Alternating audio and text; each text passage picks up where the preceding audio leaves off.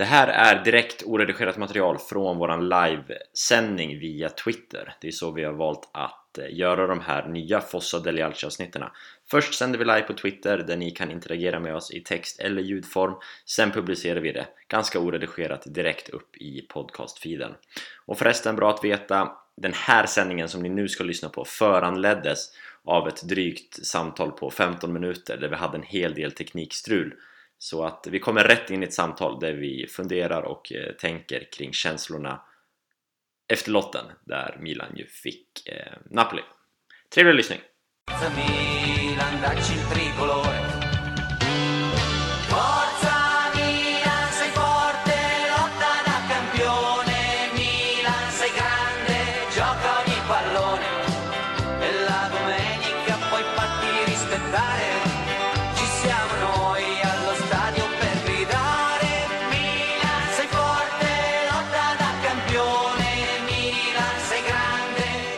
Pratade vi känslor eh, när lotten föll, va? Visst var det där vi var, Kerim? Ja, exakt.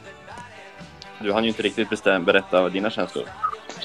Nej, men eh, jag hann väl så långt som att säga att Napoli var för mig en bra lottning, tycker jag. I, i förhållande till allt som stod där i slutet när vi kunde lottas mot Bayern och City och... Men var det mer? Är det någon mer jag missade? Nej, det var de va? Ja, eh, Inter var det det var de. Ja, men det var de. i slutet framförallt här tänkte jag. Eh, ja. Och så föll lotten på Napoli. Och på förhand hade jag väl också tagit den lotten. Jag tror att vi har ganska god chans på Napoli faktiskt. Och eh, framförallt ur den aspekten att vi har spelat mot dem många gånger. Alltså, vi känner Napoli. Eh, har all historik vi har i Europaspel och kuppspel och jag tror Milan har en väldigt god chans. Jag, jag, jag ser inte riktigt varför det är så enormt favoritskap på Napoli. Eller jag kan väl förstå någonstans de som kanske inte följer Serie A lika slaviskt och sådär att, att titta på tabellen och bara jävlar vad de går så tåget och det gör de ju men det är ett lag som är fullt möjliga att slå över två matcher eh, och jag tror att Milan absolut kan göra det. Så i min värld är det väl mer än 50-50 eh, vem som går vidare. Ja, men liksom kolla Napoli, visst de, de leder så pass stort, men de går ju verkligen all in i ligan i år. De, ja. de är på väg mot en historisk ligavinst. Eh, kommer man kunna upprätthålla fokus i bägge de turneringarna? Milan har inte samma, det är klart att man måste spela bra i ligan, men jag tycker, jag tror, jag är väldigt säker på att efter den här lottningen så är Milans fokus riktat ganska kraftigt mot Europa. Man har blicken fäst i en eh, orientalisk horisont. Ja, men alltså, jag som vanligtvis brukar vara rätt försiktig av att vara optimist är, är liksom så här. Alltså nu är det fullt möjligt att nå en final. Ja. Sjukt. Ja, så är det ju. Eh, det är ju lurigt när man ska räkna med sannolikhet, men jag håller med Kerim helt att eh, sannolikheten att nå, alltså vi snackar ett favoritskap på Napoli på 66 procent ungefär på eh, oddsmarknaden. Det är sjukt tycker jag. Jag tycker det är på tok för högt. Ja. Men alltså, visst, man kan förstå det. Ute, alltså, det skiljer 20 fucking poäng i ligan. Men eh, när, vi, när vi har mötts eh, i matcher så har det inte skilt eh, motsvarande 20 poäng. Utan jag tyckte ju faktiskt jag tyckte Milan var bättre i första mötet. Alltså i det ligamötet vi har haft i den här säsongen. Napoli vinner ju den, men alltså Ja. Jag tycker att Milan förtjänar mycket mer och den vändningen. Ja. Jag minns faktiskt inte riktigt när det var vi mötte dem. Det kan vara så att vi mötte dem under vår absoluta så här, superperiod när vi hade en galen form typ. Och där är vi kanske inte riktigt idag. Men det säger ju någonting om något att, att liksom vi, vi, vi har full möjlighet och kapacitet att inte bara stå upp mot Napoli utan slå dem. Över, alltså, jag, jag ser verkligen att möjligheterna är oerhört goda. Alltså jämfört med, med vad det kunnat vara så var det verkligen så som du säger den här dramaturgiska grejen att det är bara Napoli City och Bayern kvar mm. att dra liksom. Eh, och så drar City Bayern. Det, det var man ju hyfsat nöjd med. Eh, och alltså på förhand så hade jag väl dem verkligen i mitten. Eh, det fanns tre lag jag inte ville möta. Det fanns tre lag jag hellre ville möta Napoli. Alltså Chelsea, Inter, Benfica. Men det är ju verkligen eh, det, huvudgrejen är att man skippar de eh, stora jävlarna. Och jag tror också att det passar, som du säger, vi känner dem, men det är också typ att man spelar lite eh, sydeuropeiskt och sånt där. Jag tror att vi hade haft eh, större problem med Bayern eller Chelsea på så vis utifrån spelsätt. Sen jag tycker jag Chelsea är sämre liksom. Men Bayern är, hade ju varit min skräck liksom. Någon som eh, där vi inte kan få ut riktigt lika mycket av det här fysiska utan vi kanske till och med är underlägsna där och så vidare. Eh, jag, jag känner mig rätt så trygg utifrån eh, hur vi presterade mot Napoli och jag menar med trebacken som vi har nu kanske det kan gå ännu bättre. Alltså Calabria radera ut Kvaratskhelia helt i det första mötet. Sen började han ju gå av där i halvtid. Så kom Destin och sen så blev det straff och skit. Dags att kasta in Kalle igen då. Det, det känns ju lockande ändå, va? Att ha, eller hur? Alltså istället för eh, Selemakers eller ehm, eh, eh, Junior Messias på höger. Att man har liksom dubblar upp med Kalulu och Calabria och bara liksom stoppar Kvaratskhelia med två eh, defensiva som är jättebra en mot en. Ja, alltså jag vet inte hur man ska riktigt än angripa hela den här matchen. Det finns ju många. Kvarac kan ju också snurra upp fem pers på läktaren. Det såg vi ju senast när de mötte, vilka var det, Roma eller? Vilka var det han gjorde det mot? Mm. Eh, men absolut, han gjorde det ju bra senast, Calabria. Eh. Ja, och frågan är, alltså Messias är väl precis tillbaka då. Han skulle vara borta en månad ungefär och det blir väl om man ens hinner tillbaks. Och sen har vi Selemakers där som är lite het i sin defensiv. Nej, spontant känns ju att Calabria behöver matchas in inför det här. Frågan är hur man gör det i ett ligaspel där Milan behöver de lite mer offensiva kvaliteterna. Som i alltså, alltså, inte Selemakers kanske briljerar med. Alltså, vi har ju Florenzi också. Just det, det faktiskt. Och det, det som är ännu roligare när man diskuterar alla de alternativen till höger, alltså egentligen Dest borde ju passa mycket bättre i den här positionen jämfört med mm. hur vi spelar innan med fyrbackslinjen med tanke på att han är sämre defensivt men han är ju väldigt eh, fixig och trixig offensivt liksom. Det, han känns inte alls aktuellt. Man har typ glömt bort honom trots att han borde passa väldigt bra. Han är väl inte med i... Han kan inte spela i Champions men jag menar eh, diskussioner överhuvudtaget. Ja han är helt under isen. Det är ju alla rapporter är att man vill skeppa iväg honom. Liksom. Men eh, ja, en, en aspekt som inte har lyft så mycket alltså generellt i sociala forum som jag ser det är att supernackdelen tror jag att Milan börjar hemma. Mm. Jag tror det kan bli skitjobbigt på eh, Armando Maradona oavsett alltså utgångsläge eh, inför returen. Alltså man vet ju att den arenan kommer koka och lyfta Napoli till nya höjder om det väl ger sig liksom. Eh, så där hade jag verkligen, verkligen velat att man avslutar på San Siro. Jag tror att det kan vara en jättejobbig eh, kväll på, på där, i det här returmötet alltså. Mm. Är de byxade att klara det trycket då, Napoli? Nu letar man ju alla fördelar till Milan här. Jag är medveten om det, men...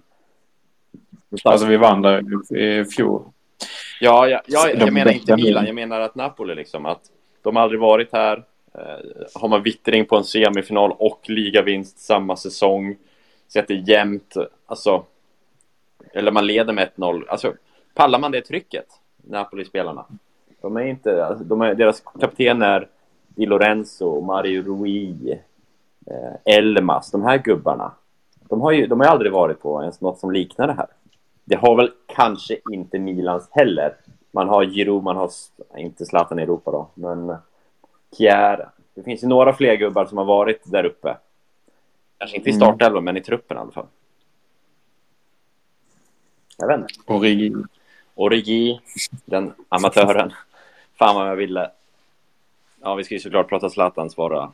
Eller ja, han är ju icke, icke-varande, men hur mycket man ångrar det. Nej, ja, men alltså, man ska blicka fram generellt. Alltså, vi ska också komma ihåg att det här, alltså nu när, när, när jag är så optimistisk, det, det vill ju till att det går bra. Eh, alltså flera grejer faller på plats för Milan också. Men det, det hade det behövt, alltså vi måste bli bättre oavsett om eh, lag i kvartsfinalen vi kommer att möta. Liksom. Så, så måste vi bli bättre. Leao behöver ju hitta formen på ett annat sätt än han gör nu. Men där finns ju en stor uppsida. Vi, har fått tillbaka skador, absolut, och vår startelva ser bra ut på pappret så, men om man liksom kan få lite kontinuitet i det och liksom spelare från skada hittar formen och sådär, alltså om man kan få tillbaka Rebic i lite slag eller nu när vi, både, när vi har Krunic och, och Benazer och, och Tonali allihopa som vi inte har haft väldigt stor del, att man liksom också har alternativ mellan matcher men också under match att eh, göra rokad utan att eh, kvalitetstappet blir så stort. Att De kanske liksom, alltså han ser bättre och bättre ut tycker jag. Jag tycker han var bra senast. Eh, om han får det att lossna. Det, det är ju givetvis att man, eh, vi är inte där än men det finns en uppsida där att vi, vi får en mycket bättre bredd än vi har haft under jättestora delar av säsongen på grund av skador. jag, tror, jag tror också Napoli alltså det är klart det kan bli jobbigt om, om de verkligen gör en platt match och liksom, eller på något sätt att saker, att Milan gör en så jävla perfekt genomförd match att de blir stressade och så, då kan jag ju se att de blir nervösa eller vad som. Men jag vet inte, de har ändå så dammat av Liverpool hemma 4-1 nu senast i åttondelen så var det inget snack om saken överhuvudtaget och Cement firar inte ens när han gjorde mål liksom. Eh, mm. Det känns verkligen som att de ändå klarar av det. Och Cement känns ju som en sån där jäkel som bara skiter i totalt oavsett vad, han bara kör. Eh, mm. Om det buas, om det inte buas, om det skriks och hyllas, om det inte hyllas liksom. Han, det, det är en spelare som skiter i vilket liksom, tror jag. Eh, Sen, sen är det ju dock en eh, som, eh, för att ta det lite som David kanske är inne på att eh, de förlorar ju också mot Inter till exempel i, när ligan återstartades. Och det är ett helt nytt läge för Napoli att gå in i matcher mot så här, Milan och Inter till exempel. Eh, och att Napoli är favorit och har pressen på sig och förväntningar på sig att spela på ett visst sätt kan in, Milan gå in på ett sätt och inte som de gjorde i den matchen.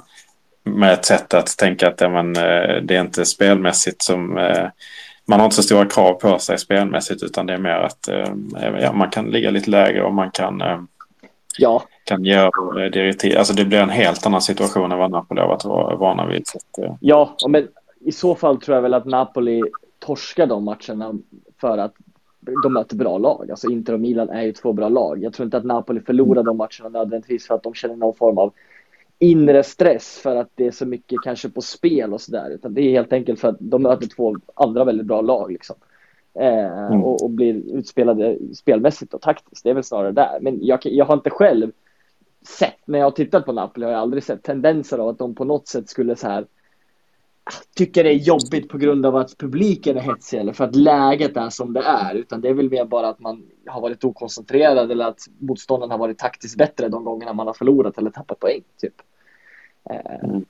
Skulle jag säga. Alltså de har inte, ja, de har inte heller varit någon riktigt utsatt... Alltså det här är ju, men, men jag snackar, allting vi snackar om nu tänker jag utifrån perspektivet att Napoli är stora favoriter som man ja. ser på oddsmarknaden. Givetvis finns det faktorer som talar för Napoli också. Men eh, men eh, nu, nu tar vi väldigt mycket det andra perspektivet. Men eh, de har ju inte heller riktigt, alltså i och med att det har gått så, de är ju fruktansvärt överlägsna i ligan eh, poängmässigt. Så att de har liksom, det finns inte riktigt utrymme att skaka. Frågan är hur det ser ut då när, om det skulle skaka till exempel i ett sånt där dubbelmöte. Um, men sen är det också en fråga om publiken. Alltså vi, visst, det, det går ju fantastiskt bra, men vi ser ju att uh, deras läktare Eh, är ju inte nöjda för det utan de har ju en öppen konflikt med De Laurenti mm. som passar på att liksom göra massa, massa grejer, eh, restriktioner och så vidare nu när det går bra. Eh, det är ju fortfarande ett krig där och det är liksom inte bara glädje på deras läktare. Eh, och det finns protester och så vidare även, även nu när det går bra. Alltså jag skulle väl någonstans kunna se att en, att en inre stressfråga skulle kunna dyka upp för spelarna om man, låt säga nu under perioden till Champions League, spelar lite halvdant, kanske tappar lite poäng. Man kanske gör en jättedålig första insats mot Milan hemma. Eh, när väl returmötet är igång så kanske Milan helt neutraliserar deras anfallsspel. Då kan det växa på en så här frustration som rent ut leder ut över läktaren och därmed mm. även över så inre stress och spelare. Det ser jag absolut kan hända liksom i så fall. Eh, men att man, att typ, låt säga att man gör det väldigt bra nu fram till april och skulle göra en dålig match i returmötet. Då tror jag inte det beror så mycket på nödvändigtvis att det blir en inre stress, utan snarare då för att Milan faktiskt har varit ett bättre lag. Tror jag. Mm. Ja, alltså jag, jag håller helt med ja. dig Karim. Jag, jag vill inte göra så stor grej nej, av det här nej. psykologiska heller. För jag tycker att huvudargumentet till att det här är jämnt är för att vi är ett bra lag. Alltså ja, ja, vi, har, vi, vi är mycket jämnare mot Napoli än vad tabellen säger och eh, vad många tyckare säger också. Eh, så att eh, vi, vi håller helt med varandra, men jag tycker det är bra, bra sum. Ska vi, ska vi dra oss mot eh, elefanten i rummet i fotbollseuropa med, eh, med Zlatans icke-vara i det här? Vi pratade om det när vi gjorde det här live sist. Då mm. hade man inte den här vägen lika öppen som den potentiellt kan bli nu. Zlatan är, ska vi, det första vi kan bekräfta, han är 100% out. Väl? det är det jag skrev igår på Twitter. Har vi någon superitalienare någonstans som bara kan knäcka den här koden? Få med han bara. Gör vad som helst för att få med den här människan. Alltså det ja, det är väldigt roligt. Jag säger 100% Men alltså det är ju, det finns väl inget som tyder, alltså det enda som tyder på det är att man vill att det ska vara så. Att det är så många som vill det. Men det ändrar ju liksom inte reglerna. Nej. Alltså jag såg en skrivelse någonstans att efter en 23, någon, datum liksom som var i, i februari där någonstans så finns det inte en möjlighet. Det är något extraordinärt skulle ske eller någonting kopplat till målvakter riktigt, riktigt helt mm. säker på hur, hur, hur, det är liksom. Men det, det är precis som du säger eh, Andreas, alltså det är väl typ så här okej, okay, Uefa ser att här kan vi tjäna skitmycket pengar på att folk kan titta på en spelare och spela fotboll. Eh, kan vi hitta någon sån här kryphål någonstans för att vi ska kunna få mer pengar i fickorna? Det är väl typ det. Annars är det väl ganska mycket out. Eh, det är ju Uefa som får gå in och rädda Milan här. Det är det. typ. Det är, det, det, det, är någon, det är någon superitalienare som drar igång det hela juridiskt och sen kikar Uefa på det och säger så här, ja men visst, det går bra. Om de är tillräckligt övertygade. Ja visst, det går bra. Vad glada de hade blivit i södra Italien om det hade varit så. Ja. Nej, det känns ju... Nej, jag har inga stora förhoppningar där. Jag har också för mig att det var så här jättelänge sedan när vi hade um eh, Braida va, som hade, nej, jag tror det var Braida i den sportliga ledningen som också hade en roll i, i Uefa samtidigt. Fan vad nej, det var inte. Umberto Nej, det var han. Ja, exakt. Det var Gandini. Och han strulade ju till det någon gång när han satt på dubbla stolar och eh, det blev något fel med spelarregistrering. Typ att Pato kunde gått som någon uh, ungdomsspelare med till eller något sånt där. Kommer inte ihåg. Men det var Gandini, ja. Den jäveln. Alltså jag har väl, jag har väl aldrig så riktigt trott på förbannelser över spelare eller något dylikt. Men alltså. Det, Fram tills nu. Ja men, ja men, till att börja med, alltså, hela den här soppan med Zlatan och Champions League kopplat till Inter och Bay, äh, Barcelona, den vet vi ju. Han sticker, drar, inte vinner året efter liksom. Okej, okay, skitjobbigt och det har han velat hela tiden. Men och han sticker igen och Barca vinner. Ja, exakt. Han sticker igen. Barcelona vinner igen. Och, så, och, och sen nu, men det här är liksom på en helt ny nivå för bara några månader sedan så när man sa, om någon skulle säga så här, Milans väg till finalen, den är ganska god. Då hade man ju bara garvat och så helt plötsligt efter en lottningen liksom, klockan 12 en fredag så, så står vi ändå där och bara pratar nu om att shit, Milan kan fan komma till final och Ibrahimovic är inte med. Det är för fan, herregud om det skulle bli så. Det, det hade ju varit, ja, Tror du han, blir han glad när han ser den lotten? När han sitter där hemma i sin Ikea-soffa. Han kom, han man vet ju att han kommer ju claima den ändå. Vinner Milan Champions League så kommer han säga jag har vunnit den. det kommer han ju. Ja. ja, jag vågar inte ta de orden i min mun här, men nej. Ja, det är ju svårt att argumentera när man inte varit en del av truppen ens från början. inte gjort någon minut. Men eh, det, det blir en prövning för honom, tänker jag. För att hans, vi är väl alla överens om att hans eh, stora impact på Milan är utanför planen sen han kom tillbaka överhuvudtaget och det har han ju gjort väldigt stor grej av. Så att, eh, eh, på det sättet så kan han ju claima den men han får inte den officiella äran och frågan är hur han reagerar på det. Det är ju stor, stor mental prövning på det viset. Fan, så, som man har, fan vad hemskt. så som han har sett ut nu i de här tre inhoppen han har så magkänslan är ju att hans, hans impact skulle kunna vara mer än det mentala spelet utanför planen i en avgörande kvart, semi eventuellt final. Kontra exempelvis Origi, som ju inte gör någon människa lycklig. Ja men definitivt, alltså han är ju fortfarande ett, det, det han absolut har mest utvecklat senaste åren generellt, det är ju hans targetspel. Alltså han är helt otrolig på att suga ner boll, hålla i, fördela. Och du vet varenda gång den här lilla så här, det är klart inte samma gamla Ibrahimovic, men när du plötsligt får till en klack ute i hörnen som bara hittar den perfekt 15 meter därifrån, det, det kittlar ju överallt hela tiden så fort han är med. Eh, så jag håller Andreas, med dig. ja, Andreas, om du idag, du får byta, Uefa hittar. Eh, byter du Origi mot Zlatan i Champions League-truppen? Idag? Och, Ja, idag hade jag absolut gjort det. ja. Hade du bytt det mot Balotelli? sluta! Sluta leta! Men jag tror att David frågade här eftersom jag eh, försvarade beslutet. Att Det är klart han gör. Tar du, Alltså, tar du Balotelli, Andreas, mot Zlatan? Balotelli är ju mycket svårare för att det är ju en... eh, Alltså jag, jag, jag tycker att det går att absolut argumentera för att Zlatan ska gå in. Alltså fo- folk har den åsikten men jag är ju väldigt svår. Alltså jag, jag tycker det är väldigt viktigt med eh, truppbalans. Och vi, vi, jag tycker att Balotelli är väldigt dålig. det vill, jag göra till. Det som, eh, det som eh, talar för att man skulle kunna göra den rockaden nu är ju att Florenzi också är tillbaks. Eh, eh, som skulle kunna gå in på och täcka Theos plats. Liksom. Ja. Det, som, det som också talar för det är kanske att det verkar som att man... eh, s- det känns för mig mer och mer troligt som att trebackslinjen kommer vi att köra säsongen ut.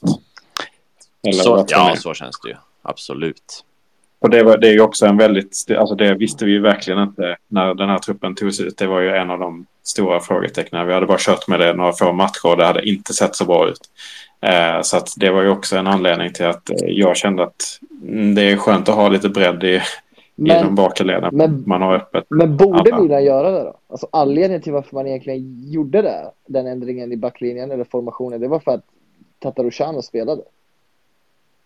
Alltså det är ju det är den jättestora anledningen till det. Nu när Magnan är tillbaka, man har hans fötter och hans liksom, spel generellt. Det, vad tycker vi? Jag vet inte. Ja, alltså mot Salernitana så var jag ganska frustrerad att vi stod med tre. Stod, Kalulu var rätt högt upp ganska ofta, men att vi ändå hade alla tre i, i en forcering.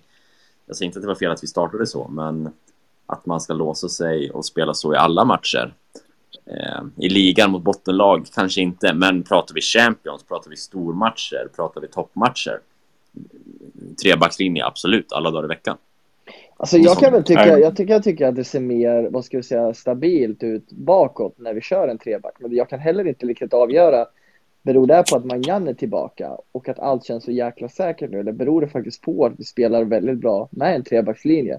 Men det jag också känner det är att vårt anfallsspel inte är lika bra eh, som, som det har varit tidigare. Vi kanske har, nu vet jag inte alls siffrorna exakt, vi kanske har snett till lika många mål som, som i den andra formationen, men det känns som att vi är mer uddlösa framåt.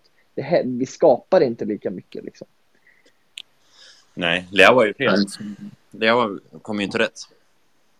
Nej. Tycker jag väldigt... Ja, Jag, jag, jag tycker att det, det, det, i praktiken blir det ju väldigt lite trebacklinje offensivt. Men det är ju framförallt i omställningsfasen som det blir att man sitter väldigt lågt, tycker jag i alla fall. Eh, Och där har Milan varit För- bra tidigare. Liksom. Ja, ja, det har ju varit en av våra Ja. styrkor. Och jag, eh, vi pratade om det innan eh, med att Leo har, alltså avsnittet eh, med att eh, Leo eh, kan ju ha en central roll i just i utgångsläget från omställningar. Men att han vid uppställt spel kanske ska kunna söka sig mer till vänsterkanten. Jag tycker inte vi har sett det så ofta. Det är så få gånger han hamnar i, i de positionerna som är hans absoluta styrka. Jag, jag förstår vad, vad man är ute efter lite där. Eller Pioli pratar om att han är bra att kombinera och sånt ibland. Och att det, det, det blir ju bra ibland. Men jag tycker inte att han är tillräckligt smart för det. Och framförallt så använder han ju inte sin absoluta spets som är där och liksom kommer upp på kanten. Det, det är ju någon gång per match typ som det händer och då blir det alltid farligt. Så då vill man ju ha det oftare. Ja. Men, men, men om man kollar hur det ser ut i offensiv, alltså Theo är ju typ en central spelare nu för tiden i den här formationen. Eh, Alltså offensivt. Ja, Han går ju alltid in och söker sig centralt. Och Och eh, Kalulu eh, går ju upp mycket. Och, alltså det, Ja. det, de står ju inte med tre, tre eh, backar i, i anfallsspelet. Men det är just omställningsfasen som eh, där det är att det blir för många spelare bakom boll och det går för långsamt eh, tycker jag fortfarande. Ja. Men det var ju det som var Milans USP i fjol. Även, alltså, vi absolut i omställningsspelet, men även i uppställda spelet så kom ju Theo och Leao runt på sin vänsterkant.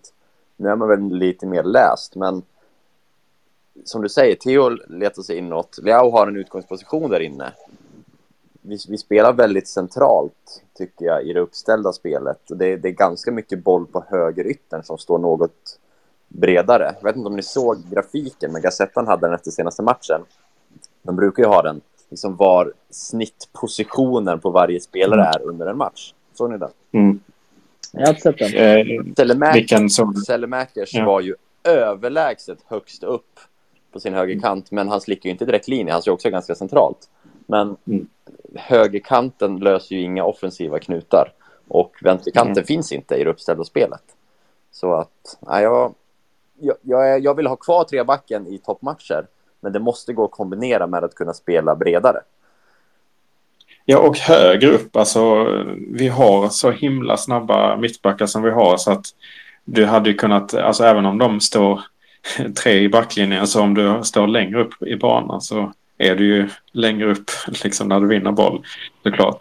Eh, så att jag fattar inte varför, och det, det är ju också en sån grej som Gazettan har efter alla matcher är ju eller så här medellinje eh, var om, om laget i medel står högt eller lågt eller i mitten, alltså medel typ eh, under en match och det präglas ju väldigt mycket av eh, matchbilder. Ofta har du en tidig ledning, ja då kommer du ligga lägre per automatik och sådär. Men, men oavsett hur, hur matchen har utspelat sig så ligger Milan mycket, mycket lägre nu än vad vi brukar göra. Vi brukar alltid ligga lågt eller mycket lågt i deras eh, sådana skattningar. Och jag, jag förstår faktiskt inte det för att jag tänker att eh, vi hade kunnat vara kompaktare längre upp i banan. För har, vi har inte fått en omställning som har varit farlig. Alltså Tottenham är ju eh, ett jättebra kontringslag. Men alltså, det är bara att kolla hur det ser ut då när, när eh, Kalulu, Tomori och, och Tiao får, får dueller i, i djupled. Det är ju liksom, det är ju aldrig farligt.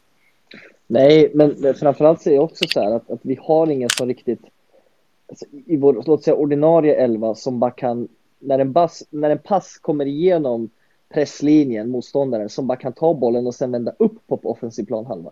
Vi har en på bänken, inte Ketelar, som jag tycker är svinbra på det. Ofta.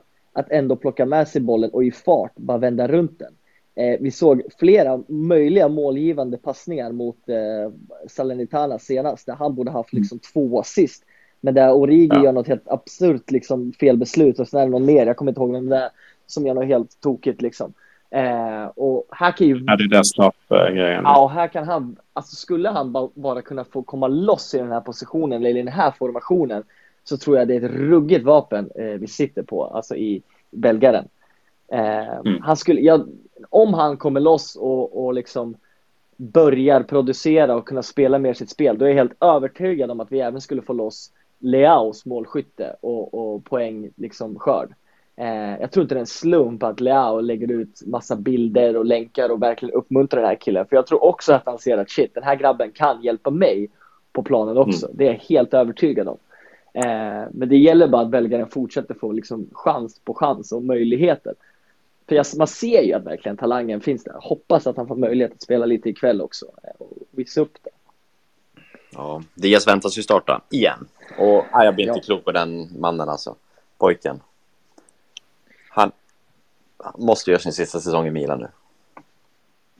Alltså jag är inte alls eh, lik, jag har börjat vända lite eh, där, eller vända, jag har, Du har inte haft fast uppfattning. du har ju jämfört honom med Messi flertalet gånger. Så.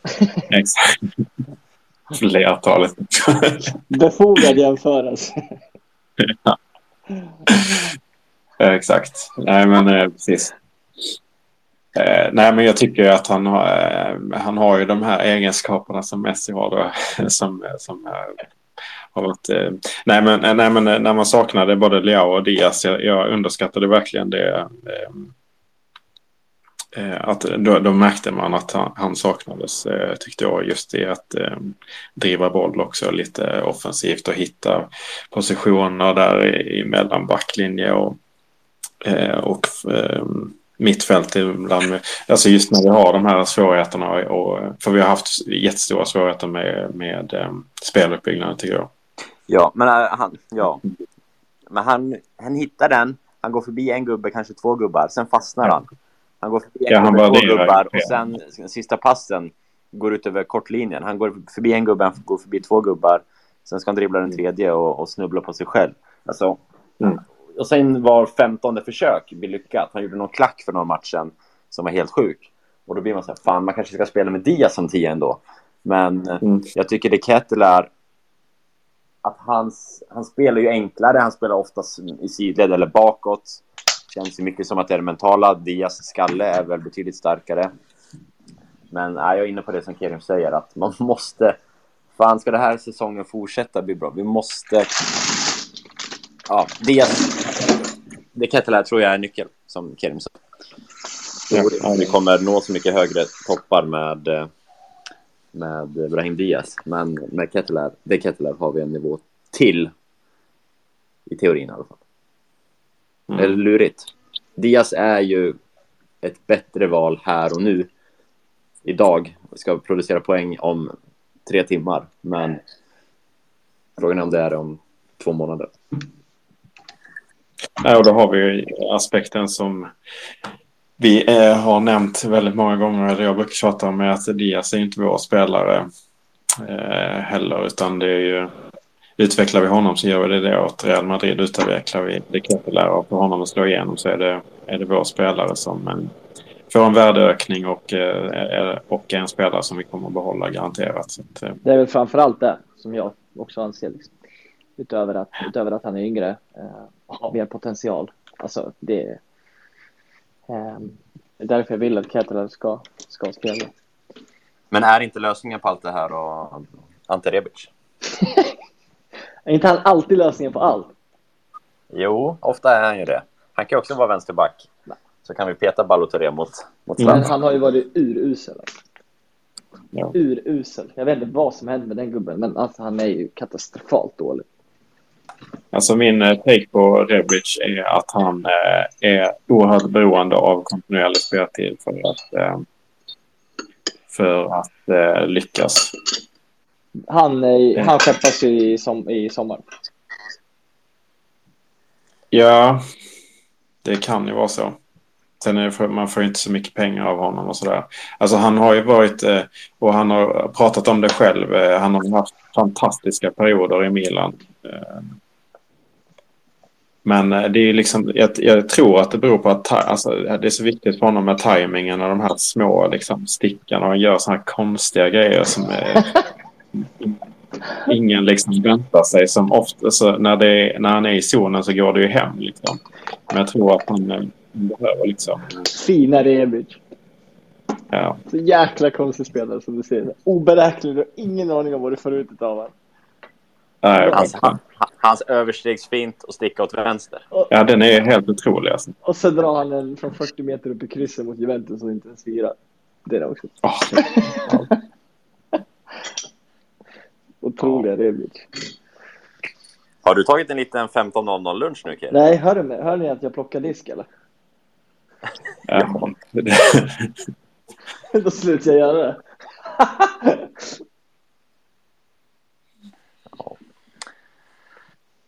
ja. Eh, men, eh, men eh, ni är helt på linjen för vi, nu blev det ett väldigt stort, stort stickspår. Men det, det vi började prata om, eller din fråga var ju om, om Zlatans eh, eh, plats i, i Champions League. Men ni tycker det är båda det är helt vansinnigt att han är med? Eller? Ja. Alltså, jag tycker det är synd. För hade det varit idag så hade jag ju såklart haft med honom och haft bytt honom hos flera. Mm. Men jag förstår beslutet att han inte togs med när, han, när truppen togs ut. Mm. Så att där står väl jag idag. Ja. Nej, men jag tycker väl samma. Jag, jag, jag, och jag tycker att det var rätt beslut där och då med den kunskapen man hade då. Nu hade man kunnat peta Origi, men hade man kunnat peta Origi när Zlatan inte har spelat, liksom, det känns... jag tycker det känns eh, väldigt tveksamt. Eh, Origi är ju också, alltså det är en frisk spelare och han har ju liksom eh, gjort mål i Champions League-final och, och sådär. Att, eh, det är ju en, en, satsning man har gjort på den här spelaren. De Kettler har inte heller tagit plats. Den, den satsningen är ju ekonomiskt mycket tyngre utifrån eh, i alla fall eh, övergångssumma. Så det, där känns det ju helt otänkbart att peta honom. Eh, då underkänner man sig själv verkligen. Liksom. Eh, men eh, det är ju åt samma håll med Origi att peta någon. Mm.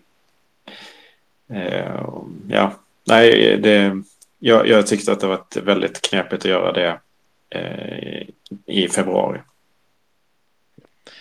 Ska vi uppmana till lite inspel från eh, lyssnarna? Det går ju såklart bra att skriva in eller begära ordet. Så kan man ju få sina five cents på den här frågan, tänker jag. Ja, det låter bra. Det är väl där vi ska använda det här forumet för, eller? Så att man kan få mer interaktion. Ja, precis. Ska vi bara podda som vi brukar göra så kan vi Då göra kan vi podda här. som vi brukar göra. Ja, precis. Det är kul att den mesta interaktionen vi har haft hade vi när vi gjorde ett test, testgrejen. det var ett guldavsnitt. Ja, det var bra. Var, men, men, hur och eh, var ser man om någon äh, kommenterar och så här nu? Alltså ser man det direkt i feeden alltså, när man trycker på den här vita banden eller hur funkar det? Jag tror det är äh, Andreas som ser det mest.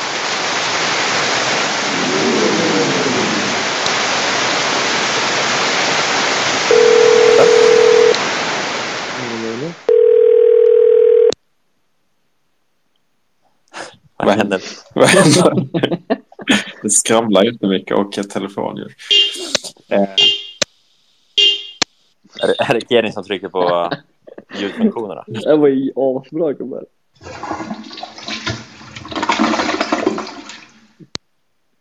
När, eh, när ja. Andreas börjar prata för mycket.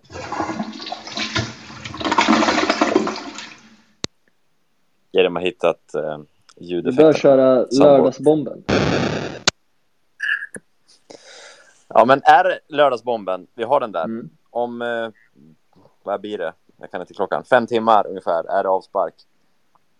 Zlatan väntas till starta. Är det bomben? Eller är det väntat? Nej, det är det här. Nej, han är sjuk. Ja, nu får du sluta. Okay. Eh, är... Eh, vad säger ni? Udinese-matchen. Vi pratade om den i en kvart tidigare, Andreas, här. Jag och Kerim. Mm. Vad... Ja, men det, det är ju, jag hatar Udinese. Alltså, det är så jävla vidrigt motstånd. De, de är ju så jobbiga att möta på alla sätt. Um, men visst, det, det, känns ju skönt att ha Zlatan uh, med Udinese. Om man, uh, det känns som att han har bra minnen därifrån.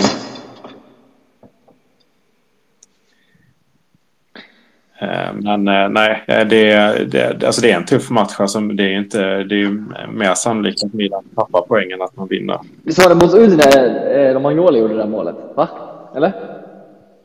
Mm. Fina sista minuten. Oh. Har du, gått ut, har du gått in i en grotta eller har du en röstförvrängare på? Har jag det? Okay. Det, det är eko. Vänta. Nu då? Ja, du slutar le. Men jag har inte något no på nu. Så vad fan är det som händer? Ja. Nej, Udinese är ett mål. Vi sa ju det, Becao väntas ju starta och bara man ser hans fula tryne så, så blir man ju rädd. Mm.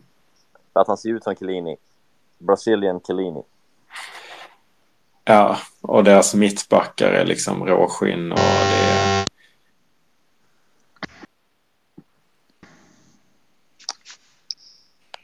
Va? jag, försöker, jag försöker stänga av min voice transform. Tryck på soundboard igen. Jag har gjort det.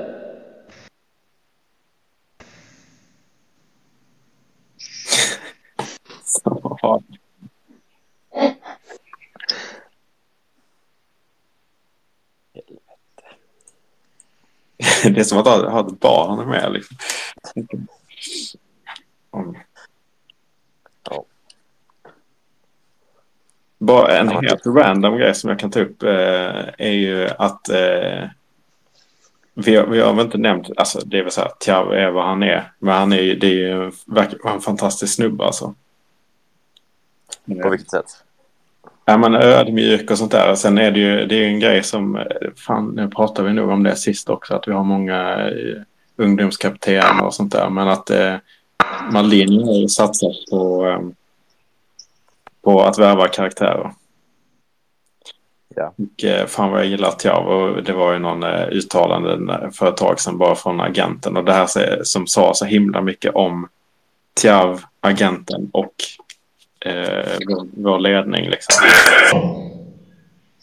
Det, nu, nu, det var ju då när Tiav har kommit in i startelvan och gjort fantastiskt och så, så kommer han och, eh, och då går agenten ut och säger att eh, ja, han hade det tufft i början men men allt det här var planerat. Eh, kunde han spelat innan för frågan liksom, ja. Alltså hade han gjort, kommit spela tidigare så hade han fått problem. Liksom. Han behövde tid att mogna och lära sig systemet. Och hade han gjort misstag liksom, så hade det kunnat eh, förstöra för honom i fortsättningen. Eh, han, eh, Eh, och hyllar då Maldini och Massara i detta också. Att Malik hade liksom erbjudande från Premier League och så vidare. Han var garanterad start, Eh, eh, startplatser av flera direktörer. Men det som eh, gjorde eh, som motiverade Milan var liksom eh, Ricky, eh, Ricky och eh, Paolo. Och eh, Alltså det jag tycker det säger så himla mycket om alla inblandade för det har varit så himla lätt för en spel, alltså agent, bara för spelaren att göra det. Men spelaren kanske vill ha, liksom ställa in sig med tränare och sånt där så han kanske inte säger någonting. Men då har man ju agenten som, ja men hej, kolla vad den här spelaren gör, liksom vill skjuta upp värdet och vill skjuta upp lön och sånt där. Att varför har inte han fått chansen innan? Men det gör han inte heller utan han går in och liksom säger att ja, men det här är perfekt, det här är planerat och så vidare. Eh, ja, det, det ser man verkligen inte ofta. Nej. Utan, nu hör det mer normalt eller? Ja. Jag vet inte vad som hände. Helvete. Nej, jag håller med. Och jag tror jag twittrade om det också. I, i tider där all, så fort han fick börja spela och gjorde det bra så, så var ju pöbeln snabb med att såga Pioli och hans beslut att inte spela Thiago tidigare. Och det är väl what you fan about, men det vi ser nu är ju fantastiskt bra.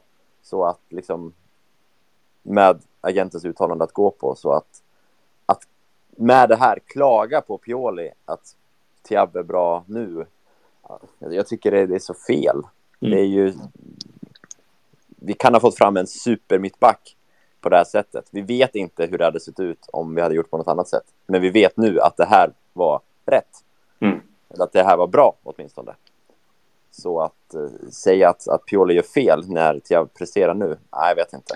Det är det här folk eh, kokar över när det, eh, när det gäller eh, Adli exempelvis. Alltså man tror ju typ att han sitter på någon gudabenådad liksom fotbollskompetens som inte alls nyttjas och att Pioli är helt dum i huvudet som inte kör han och sådär.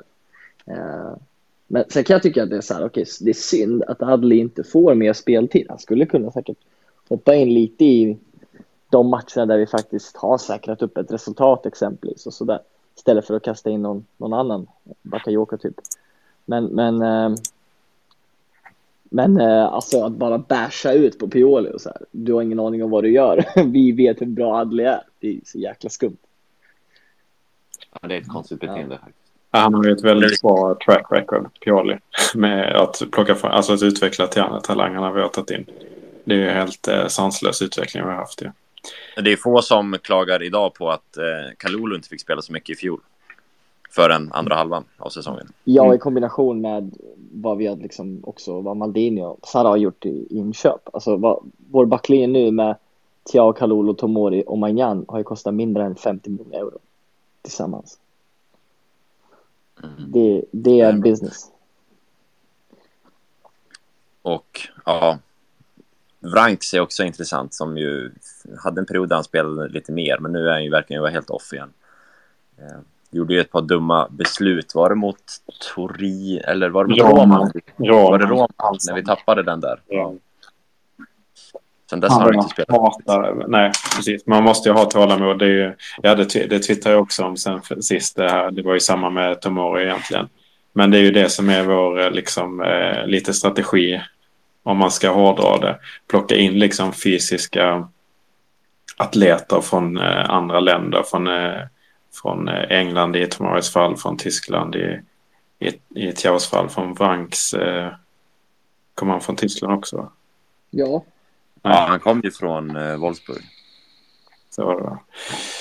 Eh, och liksom lära dem eh, fotboll. Men jag, jag blev så jävla förbannad på sånt vårdslöst spel. Vanks där orsakade ju liksom... Eh, det var ju helt ofarliga situationer. Så drar de på en farlig frispark och så kvitterar de där. Eller eh, precis i slutet. Han är ju, han är belgare dock va? Han är Han är belgare, belgare. men han kom från, eh, från Bundesliga. va? Eh, men här, eh, ja, alltså Tomoris är ju mycket, my- gör mig mycket mer förbannad givetvis. Och det, alltså den här eh, vårdslösheten när han drar på sig straff i... Eh, han har gjort det mer än gången igen, men... Eh, alltså jag, jag eh, som, som jag skrev då, jag, jag, det är så svårt att acceptera med tanke på vilka försvar vi har haft i, förr i tiden. Att ha sådana vårdslösa eh, försvarare som, som eh, just det här liksom sensa fauler, går inte ut, alltså det, det är inte en farlig situation. Låt det vara.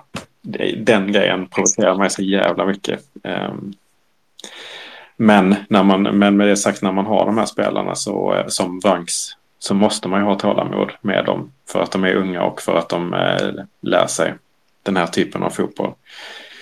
Ehm, och så är det med alla våra unga spelare. Vi måste ha tålamod. Ehm, även med De Ketteler till exempel. Även med Adli.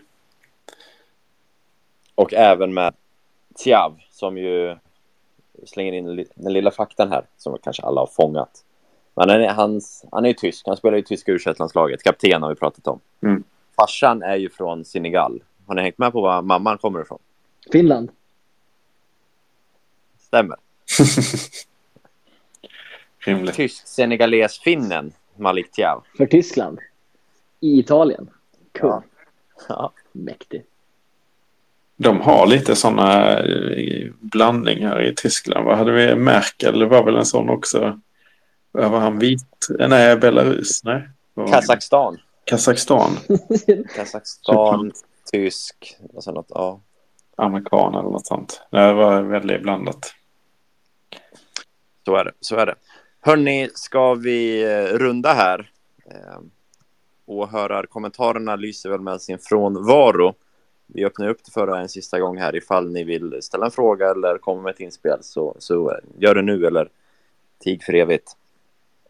Så eh, ska vi sen eh, publicera det här som podcast och se om eh, fler lyssnar då. Och då kan man ju säga att eh, om ni slutat prenumerera på podcasten eller om ni helt plötsligt har fått en podd i ett flöde som, som heter något annat, typ podcast Rossoneri. Eh, så var inte det vi som låg bakom det. Det var ju några andra som tyckte att det ska vi döpa om i ert poddflöde. Och det kanske inte ni ville ha där. Och då har ni avföljt. Så ni får söka upp Fossa Deli Alcén. Det ska heta rätt sak på rätt plats nu. Så att eh, det är bara att söka på upp oss i Spotify eller Podcaster eller vad man nu lyssnar. Vad lyssnar man på via Android, Andreas? Vilken är appen som gäller? Jag använder ju Googles. Okej. Vad heter den då? Vad fan heter den? Google Podcast säkert. Okej. Ja. ja, men sök upp Fosse Deli Alci och prenumerera gärna på oss där, för den här kommer som en podd också. Så att, eh, så gör vi så. Så får vi upp den innan kvällens match tänkte jag. Så att kanske någon hinner lyssna innan det. Snyggt. Bra, ja men eh, är vi nöjda där? Ja, Vi får tacka Don Varra och eh, Tesfal för eh, tålmodigt lyssnande. Tacka Kerin för eh, att du diskade och eh, var inne i grotta. tack själv. Och eh, Andreas för den lätta fördröjningen av 35 minuter av det här avsnittet. Tackar, tackar. Tack. Eh, så eh, säger vi väl på återhörande i det här forumet. Eller i podden. Bra. Ciao! Ja, jag kan ciao.